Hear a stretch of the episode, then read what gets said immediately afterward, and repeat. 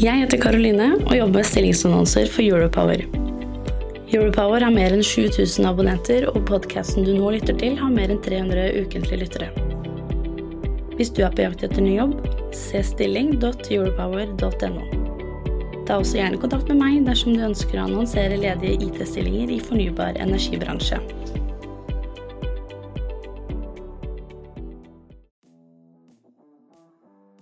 Pia, visste du at Europower nå har rundt 20 partnere som gjennom hele året publiserer annonsørinnhold på våre digitale flater? Ja, det visste jeg. Skal vi fortelle hvem? Vi kan jo nevne ABB, Segal, Embrick, Itera, Raven, Tampnet og Safebase. Men kan vi ikke også nevne da NTNU Energi, Hafslund Oslo Celsio og Energi, Fornybar Norge, Skagerrak Energi og Eveny? Ja, så er det jo mange flere også, eh, men dette var nok reklame. Du kan bli mer kjent med våre partnere på partner.europower.no. Sånn. Da går vi i gang med podkasten. Gjør vi ikke det? Jo, helt enig. Du lytter til Teknologioptimistene fra Europower Partner. Redaksjonen i Europower har ikke medvirka i denne produksjonen. Hei og velkommen til Teknologioptimistene, en podkast for IT-beslutningstakere i fornybar energibransje. Jeg heter Pia Christensen Moe og jobber i Europower. Og jeg heter Skjul Kristian Aamodt, og jeg jobber også i Europower. Med oss her i studio i dag så har vi Tor Inge Aasen, eh, Senior Account Executive i Microsoft. Velkommen. Tusen takk. Eh, Tor Inge, hvem er du? Jeg er eh, en 44-åring fra eh, Drammen. Bosatt i Bærum med kone og to barn. Eh, jobber i Microsoft, og det har jeg gjort i åtte år nå. Og en bakgrunn fra forskjellige eh, teknologiselskaper av, av internasjonal art eh, før det. Har du noe fun fact om deg selv? Tenkte litt på det. Eh, den første jobben min etter eh, studiene var faktisk siden jeg kom inn her i DN-bygget, at jeg jobba som journalist i Fremtiden. Eh, Nei, der, ja. Nei, vet du hva, det, det visste jeg ikke. Jeg trodde, vi- trodde vi hadde kontroll ja, nei, så det var fantastisk eh, spennende. Eh, fikk en jobb i, etter studier i juni, og avisa gikk dessverre konkurs i november. Men det var vel ikke pga. deg, håper jeg. Det håper ikke jeg. At jeg hadde, det, var, det var en gammel, solid eh, bedrift som til slutt ja, var en del av en eh, mediekrise på den tiden. Så Ja. ja. Du, vi kaster deg inn i det, vi. Eh, I begynnelsen av eh, dette året, 2023, så kom det en nyhet fra Microsoft sin toppsjef at selskapet skulle si opp 10 000 ansatte, og grunnen til nedbemanning kommer av som følger at dere forbereder dere på lavere inntektsvekst. Eh, forklar. Ja, nå er jo ikke jeg riktig til å svare på, på det fra, som del av et uh, avdelingskontor i globale Microsoft, men det er jo åpenbart eh, det det står der, at vi, har jo under eh, pandemien og før pandemien hatt en kraftig akselerasjon i antall ansatte. Og eh, man begynner vel kanskje å se at den veksten vi hadde under pandemien, den vil flate noe ut. Og i det perspektivet så ser man at man nok ikke det er, det er ikke nok prosjekter til det volumet av ressurser man har. Jeg var vel snaue 100 000 da jeg begynte i Microsoft, og nå er det 220 000. Så det er et perspektiv på det. Da. Det er vekst, det. Det var vanvittig vekst, så, så ja. Og jeg tror definitivt på videre vekst i teknologi og i Microsoft i årene framover. Eh, For at dere ble jo spurt da om eh, hvor store kutt som ville ramme Microsoft Norge, eh, og da svarte dere at dere ikke hadde noen kommentar. Eh, har dere noen kommentar nå? Vet dere litt mer enn nå? eh, det er ikke jeg riktig til å svare på. Det er ikke du riktig. Hvem er det som, hvem er det som må gå altså, sånn globalt, da? Hva slags, eh, hvem er det som rammes av det? Ja, jeg har jo sett eh, litt på det. Det er jo en del sånne Kanskje litt sånn tett, roller tett, som er ikke så tett på kundene, som jeg har sett uh, har blitt uh, uh, truffet av det. Og så er det jo der man fortsatt skal satse videre, det er jo definitivt inn i sky. Altså det, eh, og skyveksten ser vi jo er der fortsatt. Så, så man kaller det også en viss grad en omprioritering. Altså man, man dreier litt retning enda mer mot uh, skyvirksomheten vår, da. I, I går så, så, så var jeg, eh, rapporterte jeg inn i styremøtet eh, her i julpover, Og da kommer spørsmålet fra vår styreleder hvordan ser markedet ut? Mm. Eh, vi ser jo da at eh, IBM må fjerne ansatte. Eh, SAP melder at de skal, eh, må ta ned aktiviteten. Eh, og norske selskap, f.eks. Telenor, må gjøre det. Mm. Altså, hvordan ser markedet for IT-selskaper ut nå? Uh, tenker du på bransjen vi Ja. skal jobbe mot? Ja, Altså eller, det altså, norske markedet? Norske markedet. Norske markedet. Ja, og der, det er jo heldig å jobbe i en lomme som eh, jeg opplever skal vokse, altså som er nødt til å vokse. eh, Jobbe med kraftbransjen. Og det er jo et privilegium i disse tider, fordi er det én ting vi kommer til å trenge mer av, så er det energi. Vi kommer til å trenge mer av energiløsninger og teknologi rundt det.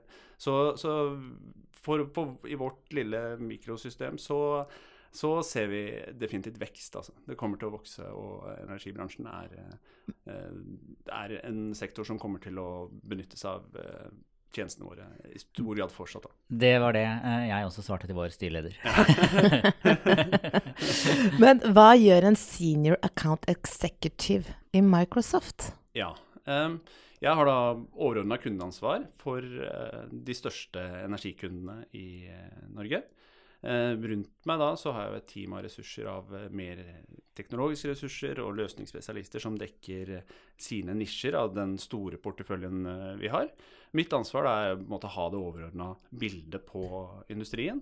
Jobber også i en global struktur hvor vi har et globalt industriteam. Microsoft vurderte for fem år siden at vi skulle bli dypere inn i industriene. Så, så mitt ansvar er egentlig å forstå kundene og gå dypt inn i de forskjellige delene av Når du, kraftbransjen. når du sier ja, kraft, eller altså energi, er det sånn type Equinor, eller er det oljeselskaper også? Ja, men ikke for min del. Men Nei. vi har jo egne store team som dekker Så du er på kraft? Jeg er på den fornybardelen, Mm. ja. Men hva er det du blir målt på, da? Ja, det også har dreid seg litt eh, over tid. Vi, eh, vi var primært målt på omsetning. Nå måles vi på bruk, i stor grad av bruk av tjenester. Så det er en klar dreining. Og det er en veldig sunn parameter. Altså, En ting er å selge, men bruke, hvis vi også da, og bruker det over tid, så, så får du også ut forretningsverdi. Så, så det er en veldig, veldig fornuftig parameter som vi måles på. Så eh, det dreiningen bort fra volum av salg til, til mer bruk er en helt tydelig parameter. Eh, energisektoren, eh, kraftsektoren, skal investere mye fremover, og, og det tenker jeg du er eh, glad for. Eh, de skal digitalisere. Eh, hvor, mener du, hvor er det gjør mest vondt akkurat nå? Hvor er det dine kunder, eller potensielle kunder, ikke får til ting? Ja. um, de får til veldig mye, um, men eh, de står jo også framfor enorme endringer. Altså, det går ikke an å skalere opp det å skulle nå disse klimamålene og bygge ut 40 terawatt timer energi innen Mm. 2030 på den måten du har gjort fram til nå. Så du må gjøre mye i parallell. Du må ha mye ny teknologi inn. Eh, og da er du jo helt avhengig av eh, å skulle få ut data fra systemer og bli datadrevet fullt ut. da. Og der føler vi jo Mange er på en reise, men det er vel ingen som kan si de er, de er i mål eller har det på den måten de ønsker å ha det. Så der eh, føler jeg skoen trykker, og det vil kunne utløse et, en ny giv med innovasjon og teknologi. da. Og kjøp. Og kjøp. Og, og bruk. Ja, og bruk. og bruk. Og- Men hva mener du er medisinen, da? Hvordan skal vi komme oss videre? Ja, eh, du må rett og slett gjennom en slags sanering av en del eldre systemer. Det ser vi flere av de vi snakker med, sier jo det at de eh, innovasjonsevnen deres er hindret av de gamle Så systemene. det er mye teknisk gjeld. teknisk gjeld, rett og slett. Mm. Ja. Uh, dere i Microsoft har jo konkurranse altså, Eller du, du, du sier at det, der dere i hvert fall skal vokse, det er sky. Ja. Uh, og der er det jo konkurranse. Uh, Amazon, uh, Oracle, Google. Hva er det som skiller de ulike tjenestene? Ja. um, jeg vil jo si at sånn, de globale hyperscalerne, vil si at Amazon og Google og Microsoft, har jo et voldsom bredde i tjenesteporteføljen. Og det som skiller de, det, er nødvendigvis ikke så mye på teknologi. På noen områder er Google foran oss, på andre områder er vi foran de, og sånn er det. Det vi ser klart skiller oss fra de andre, at vi har et økosystem. Vi har et ganske stort økosystem av eh, partnere som har vært med også på denne podkasten. Vi har også eh, et vell av systemintegratorer, mange som er trent på vår teknologi. Eh, I tillegg så er vi med industrifokuset vårt mener jeg, i stand til å være mer bransjerelevante. Men for all del, hos Amazon og Google, du kan gjøre mye av det samme som du kan på vår plattform. Når du, når du skal selge, Mm. hvor viktig er det at du kan prate om hvor mange gigawatt man skal uh, ha? så? Altså, hvor, hvor viktig er den bransjekunnskapen uh, kontra det å forstå bits and bites? Ja, jeg tror man trenger begge deler. Uh, Men det å kunne forstå Det er helt avgjørende for å kunne få, forstå problemstillingen kunden står i. Det er jo egentlig å forstå verden deres. Altså, du kan ikke komme inn etter å ha jobba med, med retail. Og du må forstå energibransjen. Den er, den er på mange måter eh, unik. Den har sine egne lover og regler, er regulert på en spesiell måte. Det er eh, spesielle drivere. Så det, en viss forståelse der er helt avgjørende. Trenden de siste årene har jo da vært å kutte ut on-prem og kjøre da på skytjenester. Ja. Men mm, når bør man velge å fortsette å velge eh, on-prem?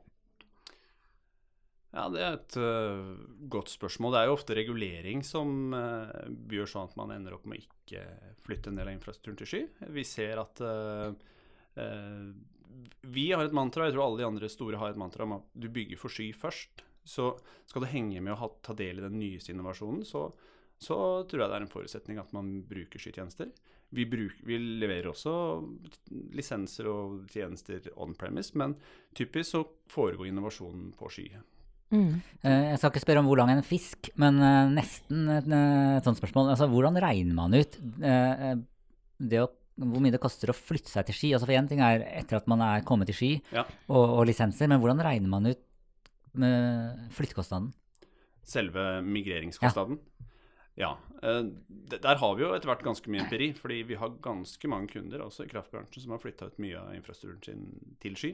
Så systemintegratorene våre og vi er ganske gode etter hvert på å estimere det. Samtidig så vet vi at i et eh, migrasjonsprosjekt så, så er det avhengig av eh, ledelsesforankring, det skal flytte, applikasjoner, er kanskje ikke modne for å flytte til sky, så de må skrives om. Så det er, en del sånne parametere inn der, men et godt eh, styrt prosjekt vil kunne avdekke det meste av det og være ganske presise. Så Så det er ikke sånn at det alltid tar lengre tid å bli litt dyrere? Eller mye dyrere? nei, det Det er ikke et ikke si. kommunalt eller statlig? Jeg, jeg, jeg tror virkelig verdien ligger i at du klarer å optimalisere infrastrukturen din. Og problemet når du har kjøpt inn eh, servere til egen kjeller, da har du den kapasiteten, og den har du uansett om du bruker 20 av den, eller om du stanger i taket. Sky, da kan du skru på mer, vokse med det, og perioder hvor du faktisk må redusere innsatsen din, redusere også bruken. Så, så det er en helt annen måte å tenke Flytende pris. ja, ja, prisene på tjenestene er sånn sett Ja. faste og over tid fallende. Det er jo Moores law som er inne i spill her også. Ja. Men, eh, men eh, volumet vokser jo. Vi ser jo flere og flere når de flytter til sky, så får de også en ny evne til å eksperimentere og teste tesene sine kjappere. Og kunne fail fast, da, om du vil. Men jeg leste et blogginnlegg her sånn, uh, om en kar som heter De uh, David Hansen, som står bak uh, Ruby on Rails og Basecamp og posttjenesten Hey. Eh, han kuttet ut skytjenesten sin og sparte masse penger på å kjøre på egen server. Er det mange som går til sky når de kanskje burde ha venta litt? Jeg tror egentlig ikke det er noen eh, problemstilling. Eh, jeg husker jeg leste den, det Ja, det blogginnlegget der også. Ja da. ja da. Liker du det? så, men eh, jeg tror jo han eh, tydeligvis Altså, han driver en veldig stor operasjon, da. Så, Ja. så har jo tydeligvis også masse ressurser selv. Så da, da har det en avveining de har tatt, og de har sett at over tid så har de kanskje kjørt en spesifikk last som står på hele tiden, og de har kontroll på volum og sånn. Og da, da, da har de kanskje da, da kan de tåle å kjøpe hardware og ha avskrivning på det, versus det å gå på en oppvekstmodell som Skyen gir. Er du en teknologioptimist? Har du lyst til å utgjøre en forskjell i energibransjen? Gå inn på stilling.europower.no for å se ledige stillinger akkurat nå. Du bør jo egentlig se for deg å bruke tjenestene. Altså Mye av disse tjenestene som kommer i Azure nå, nå har vi jo OpenAI-funksjonalitet tilgjengelig i datasentrene våre f.eks. Mm. Eh, mm, det, her, det er ikke noen annen måte å få tak i det på gjennom, enn å bruke skytjenester. Og sånn har vi masse sånne ferdige tjenester som praktisk bare kan skrus på. Altså Det er så mange elementer utover kost. da. Det er den agiliteten og mulighetene i det også. Så Men vi drar den litt videre, da. Ja. Uh, mange store konserner i Norge har jo en policy. Skytjenesten og supporten må være i EU, eller da, da EØS. Um, er ikke Dette også er vel en brems for kunder av Microsoft, uh, da dere deler virksomheten deres, eller dere har jo en del av virksomheten deres i India. Så hvordan, hvordan løser dere dette? Ja, Når det gjelder de globale skytjenestene, så er det jo kunden selv som bestemmer hvor de skal plassere dataene. Uh, så de fleste kundene i Norge de har historisk plassert de i Nederland og Irland. Mm. Eh, Nå har vi jo tre datasentre i Norge, så um, det er også en mulighet eh, til å plassere de her. Um, og vi kommer til å bygge ut mer infrastruktur. Så, så, det, så, så jeg tror egentlig ikke det det er, det er egentlig ikke en problemstilling, det. Det er mer sånn prosesskontrollsystemer er en del sånne type ting som kanskje regulator og andre setter begrensning for at kan flyttes ut. da. Nå er jo ChatGPT biased, eh, i den forstand at eh, det mener det de fleste mener. Eh, altså Den trekker ut data fra hele verden. Mm. Og et eksempel var jo at ChatGPT mener at vi skal fase ut olja.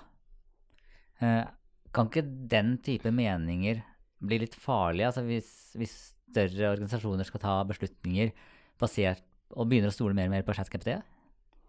Jo, men jeg tror ingen eh, bedrifter vil bruke ChatGPT slik som vi som konsumere bruker det akkurat nå. Eh, Det, det er jo en åpen tjeneste.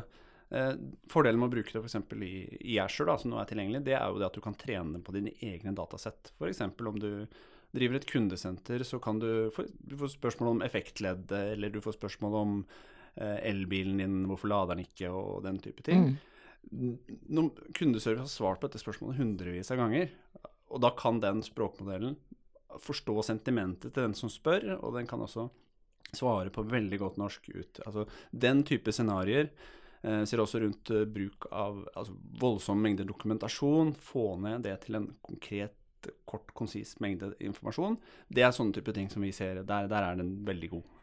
Eh, det finnes en del startups i Norge og sikkert globalt eh, som har launcha Eller som, som jobber med chattjenester, eller chatboter. Slår ChatGPT beina under alt sånt? Altså, For det, det vil jo være mye bedre enn alt som er blitt laget hittil.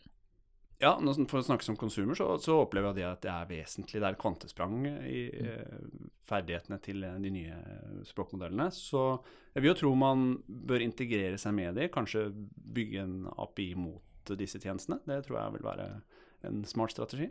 Å bli kunden her nå blir en helt annen eh, definisjon, altså. Ja. Um, vi har jo en, eh, en eh, IT-konferanse eh, 26.9. der Microsoft skal på scenen. Mm. Eh, I alle paneldebattene der så skal vi ha med en AI-robot som skal være med og mene ting som, som da de som er i panelet, må debattere med og mot. eh, Så Microsoft må, må diskutere med ChatGPT på scenen den 26. eh, september. Eh, før vi avslutter, så har vi et standardspørsmål som vi stiller til alle som deltar i denne podkasten. Og det er at min første datamaskin, det var en Amiga 500. Og min første datamaskin var en High Note Ultra. Hva var din første datamaskin? Det var en Commandore Commodore 64 med kassettspiller. Ah, det er så deilig! Press play on tape. Da gjenstår det bare å si tusen takk til deg, Tor Inge fra Microsoft, for at du tok deg tiden til å bli med her i podkasten Teknologioptimistene. Og tusen takk til deg som lytter. Og mitt navn er Pia Christensen Moe, og jeg er en teknologioptimist. Og jeg heter fortsatt Skjul Kristian Aamodt, og jeg er også en teknologioptimist. Og hva med deg, Tor Inge? Jeg er også en teknologioptimist. Ja da. Du får ikke lov å svare noe annet. Da sier vi bare takk, Takk for oss. Pia, visste du at Europower nå har rundt 20 partnere som gjennom hele året publiserer annonsørinnhold på våre digitale flater? Ja, det visste jeg. Skal vi fortelle hvem? Vi kan jo nevne ABB, Segal, Embrik, Itera, Raven, Tampnet og Safebase. Men kan vi ikke også nevne da NTNU eh, Energi, Hafslund Oslo Celsio og Energi, Fornybar Norge, Skagerrak Energi og Eveny? Ja, så er det jo mange flere også, eh, men dette var nok reklame. Du kan bli mer kjent med våre partnere på partner.europower.no.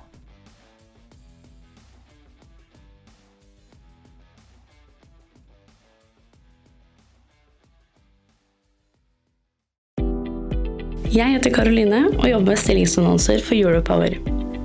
Europower har mer enn 7000 abonnenter, og podkasten du nå lytter til, har mer enn 300 ukentlige lyttere. Hvis du er på jakt etter ny jobb, se stilling.europower.no. Ta også gjerne kontakt med meg dersom du ønsker å annonsere ledige IT-stillinger i fornybar energibransje.